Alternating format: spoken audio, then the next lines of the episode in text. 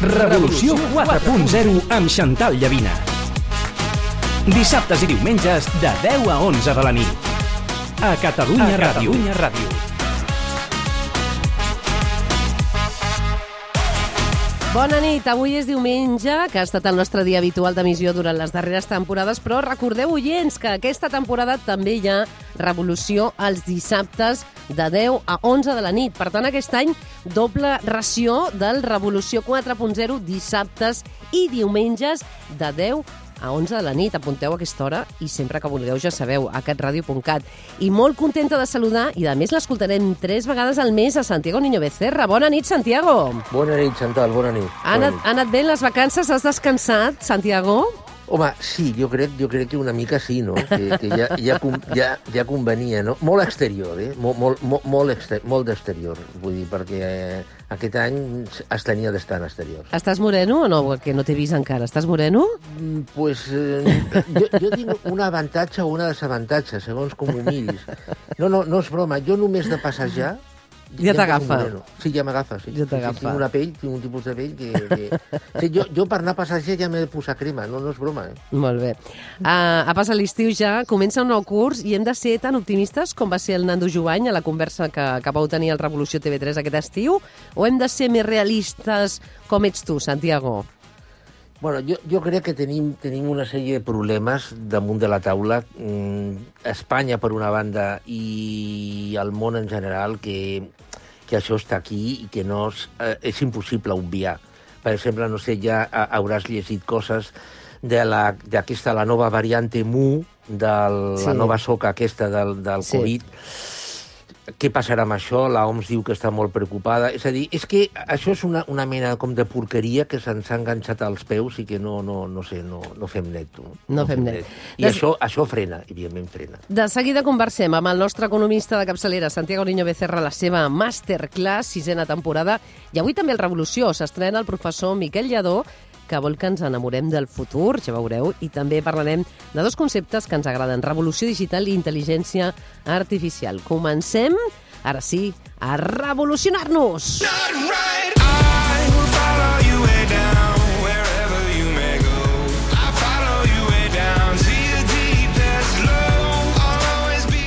Oients, a veure, diuen les xifres, diuen que aquest any l'economia creixerà, però al capdavall són números en una pantalla, no? Com diu el Santiago, més que les xifres, la paraula clau és la confiança, no? Si el consumidor eh, no té confiança, no gasta, i si l'inversor no té confiança, no inverteix, no? Si les empreses no tenen confiança, no arrisquen. Vivim moments complicats, però ens cal creure que millorarem. Cal tenir esperança, una paraula que, per cert, rima també amb confiança. Sé como el aire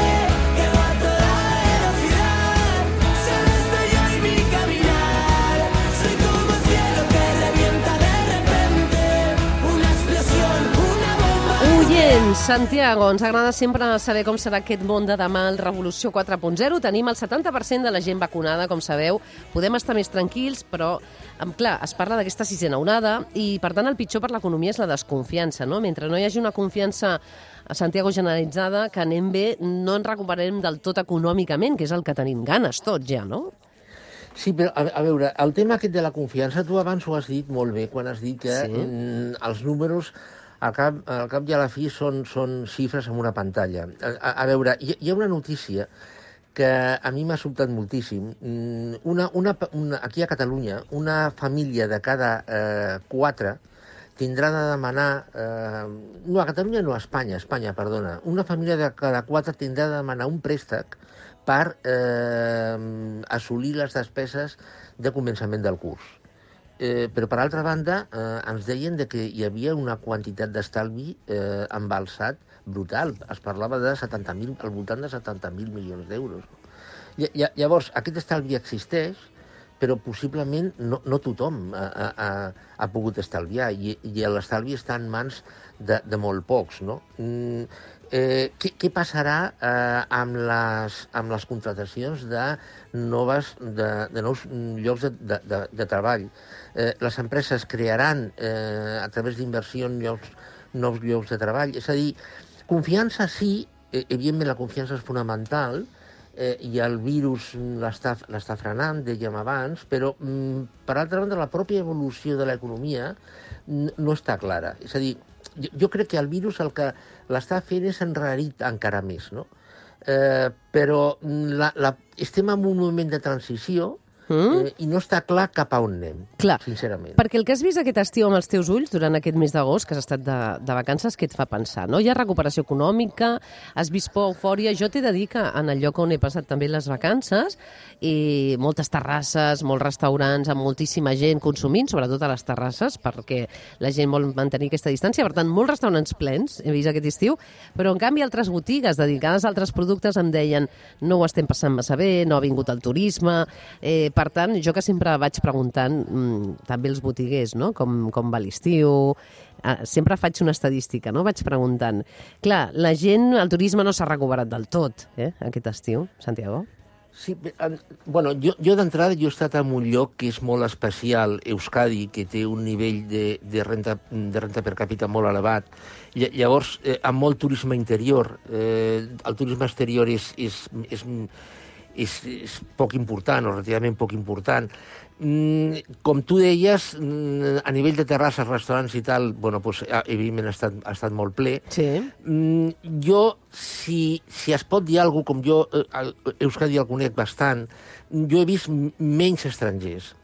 Clar, en, en, en el tema del turisme estranger, jo crec que s'ha s'ha de distingir el que eh, el turisme estranger, bueno, de, de, de, de, de Magaluf, de, de, de Punta Balena, eh, és a dir, el turisme de borratxera, i, i el turisme mm. estranger que evidentment ve a gastar, no? Mm, si, ha, si eh, ha vingut menys turisme, molt que sembla ser que sí, no? Me, menys turisme de, alt, de baix eh, nivell de despesa, pues, bueno, pues inclús fantàstic, no?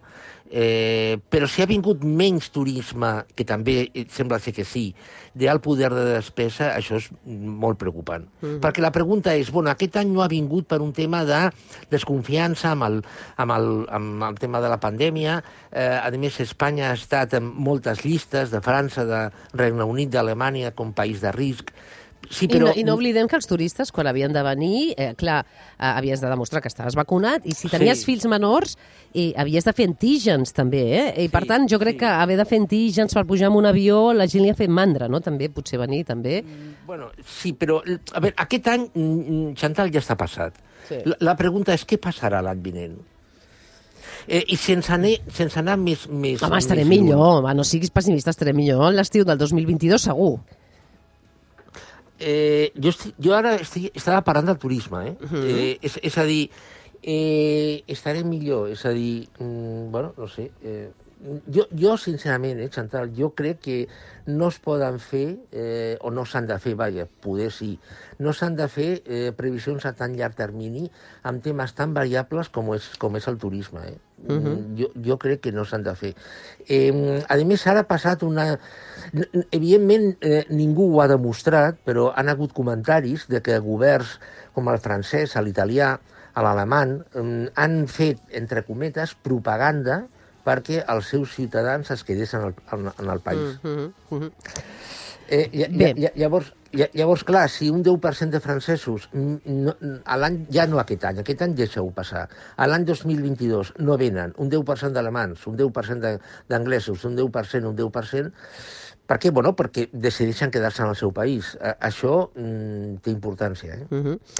Vull parlar avui de diverses notícies amb el Santiago i una referent a Amazon, no? una empresa que sí, de moment ho veu optimista tot, és Amazon, perquè atenció que aquest comerç electrònic no para de créixer, mm. però la notícia, oients, és una altra, i és que ara vol fer l'inrevés. A mi m'ha sorprès crear botigues a les ciutats. Com ho interpretes? A mi em preocupa, perquè Amazon s'està quedant amb el comerç electrònic amb molt de terreny i ara, a més a més, si vol obrir botigues, està fent competència a moltíssimes empreses. Bueno, a veure, mm, Amazon eh, s'ha convertit ja, ja és una plataforma eh, que no només se n'ocupa o mm, es dedica a vendre coses per internet. Eh, per exemple, que això igual molts, moltes persones que ens estan sentint no ho saben, és el primer proveïdor d'espai al núvol, eh, Amazon. Eh, eh, Amazon és una, una empresa que evidentment és un megamonstre, eh, que mm, ha, ha, muntat un sistema logístic que funciona i funciona molt bé, eh, i té un pes en el comerç mm, minorista brutal. I no només minorista, perquè hi ha empreses que estan comprant a Amazon eh, eines, recanvis i coses que necessiten. Llavors, mm, jo, jo, jo penso que Amazon ho ha fet molt bé, ho ha fet molt, molt bé. Eh, ha creat una, un, una, un sistema logístic per venda a través de la xarxa i una vegada té eh, un, un, un lloc eh, immens a la xarxa, ha fet el mm, sistema contrari, o el, el camí a la inversa. Ha anat a obrir botigues físiques. A Estats Units, eh, això? Eh, bueno, sí, bueno, Comença a- per a- Estats bueno, Units. Sí, sí. Ha, començat als Estats Units, però Mm. eh, eh, després vindrà al Regne Unit, després vindrà a Alemanya, després vindrà a França, etc etc. Per què? Bueno, doncs perquè tu ho has dit, Ama- Amazon ho vol tot. Però jo, Am- Amazon ho vol tot.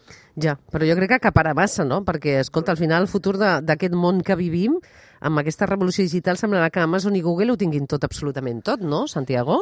Bueno, eh, com, va, com va dir el, Rodri, el doctor Rodrigo Rato, és el mercado, amigo. Mm, Clar, eh, vaya eh, personatge. sí, sí, ja, ja, però... a, a veure, eh, estem en un, en un sistema capitalista, estem en un, en un mercat lliure, eh, Amazon mm, té un, un poder de negociació immens, quan més gran és una plataforma o, eh, o un sistema, més, més gran és el, seu poder de negociació. Amazon, però és que, a més, ho fa bé. És a dir, no és allò que ho fa malament. Rebenta pre preus, però ho fa malament. No, no, és que ho fa bé. Eh, i, i llavors, a, ara, amb aquesta història de la, de la... Perquè hi ha persones, hi ha persones, Chantal, tu ho saps, segur que coneixes persones, que no els agrada comprar per la xarxa. Eh, I els agrada anar a la botiga. A mi a- m'agrada més anar a la botiga, eh? compro per la Perfecte. xarxa, però Bueno, m'agrada molt més. I a més Perfecte. també a les botigues de, de barri. I a més a més que, que és una acció que fas, vas a passejar, no? I també està bé. No tot ha de ser una compra per internet, sí. Perfecte. Pues per persones com tu... Clar. Eh, que n'hi ha moltes, Diu, que n'hi ha moltes, sí. perfecte. Pues Amazon diu, ei, eh, senyores i senyors, jo, jo també tinc botigues físiques, Clar. que a més, perdona, funcionen de fàbula. Ja, ja.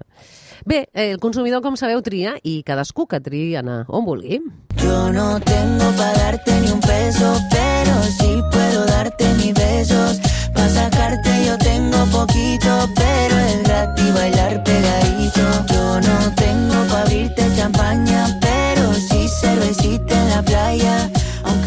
De Rico, del cantant Camilo, és un dels grans èxits musicals de l'any i, segons ens va dir durant la temporada passada, cada vegada menys gent podrà fer vida de rico, com diu el Santiago, i sí vida de gent amb crisi. Segueixes pensant, com ens va dir quan vas gravar aquesta entrevista a la televisió, eh? Eh, que et van veure a TV3 el 2025. El 2025 això remunta. Tenim la vida de rico, eh? eh pocs poden fer la vida de rico, Santiago. Sí, a veure, una estabilització mm, de, de, les, de la situació que tenim ara, jo, jo penso que el 2023-24, és a dir, això ja arribarem a una estabilització. Mm, és a dir, aquell a dalt, dalt i avall que estem tenint en els darrers anys, sobretot provocat per al virus. Eh, ara bé, mm, a la vegada s'està produint una concentració de capital mm, i la concentració de capital mm, eh, equival o, o porta una concentració de riquesa una concentració de renta, una concentració, mm, evidentment, de, de, de propietats. Vi, vida de rico, mm, cada vegada menys persones la podran fer. Als anys, si, si recordes, als anys 90, començaments del 2000, hi, hi ha persones, o hi havia persones que podien portar una, un, un cert, una certa vida de rico, una certa eh, vida de rico durant un temps, perquè mm, funcionaven a base de crèdit eh, això s'ha acabat, és a dir, això, això s'ha acabat, és a dir, eh, eh, ara eh, accés al crèdit accés al crèdit amb un, amb un nivell important, eh? L- l- El té persones, empreses que eh, tenen reserves, que tenen avals, que tenen, que tenen ja un patrimoni. És, és a dir, que mm, cada vegada mm, allò que deien els fantasmes, mm, bueno, pues, ca, cada vegada seran menys. I qui quedaran? Els autèntics rics. És a dir, que sí, que sí, que evidentment, que via de rico, pues, cada vegada menys, menys persones. Clar, t'he de dir una cosa que hem estalviat, eh? Hem estalviat i aquesta setmana, com sabeu, s'han acabat els peatges a moltes autopistes, ho hem celebrat, eh? Jo fins i tot reconec que eh, quan he passat amb el cotxe pel peatge he pitat. Santiago, jo no sé si tu has pitat, però jo he pitat. Per tant, és una bona notícia pels conductors o, o ben aviat també es trobaran fórmules per seguir pagant, perquè, clar, aquí celebràvem molta eufòria, però ja s'ha parlat d'una vinyeta de pagament anual que pagaria tothom que vulgui usar les autopistes. Per tant, escolta, els peatges seran gratis durant temps o no? Que ens quedi clar això, Santiago. A, a veure, mm, la- Unió Europea mm, ja ha dit que el 2000, a partir del 2024, a- amb la qual vol dir que abans s'ha de mm, dissenyar un sistema, a partir del 2024 mm, s'ha d'anar a un pagament per ús. Eh, eh, És, és a dir, eh, tu utilitzes l'autopista, eh, tu, tu, tu utilitzes l'autovia, tu utilitzes una carretera, tu has de pagar per al manteniment perquè tu estàs desgastant l'autopista, la carretera o l'autovia. Jo no vaig per autopista, per autovia... per tant, jo... és gratis temporalment, eh? O sigui, Bueno, que aprofitem sí, ara per viatjar, sí, sí, perquè és gratis però, temporalment. Sí, pe- però, Chantal, és que no és gratis, perquè aquest manteniment sortirà dels impostos. Clar.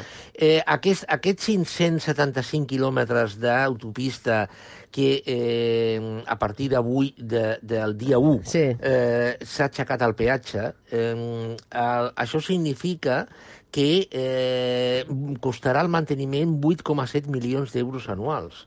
És a dir, I ara per un pagarà... altre lloc pagarem. O sigui, no pagarem en el peatge, que ens Exacte. fa estar molt contents, però amb algun impost pagarem Exacte. aquest manteniment de les nostres autopistes. Exacte, exacte. Clar. Yo, yo, desde luego, yo, so- yo no soy partidario de la viñeta. Aquí a Catalunya som molt partidaris de la vinyeta. A mi no m'agrada la vinyeta perquè la vinyeta significa que si tu fas 1.000 quilòmetres Clar.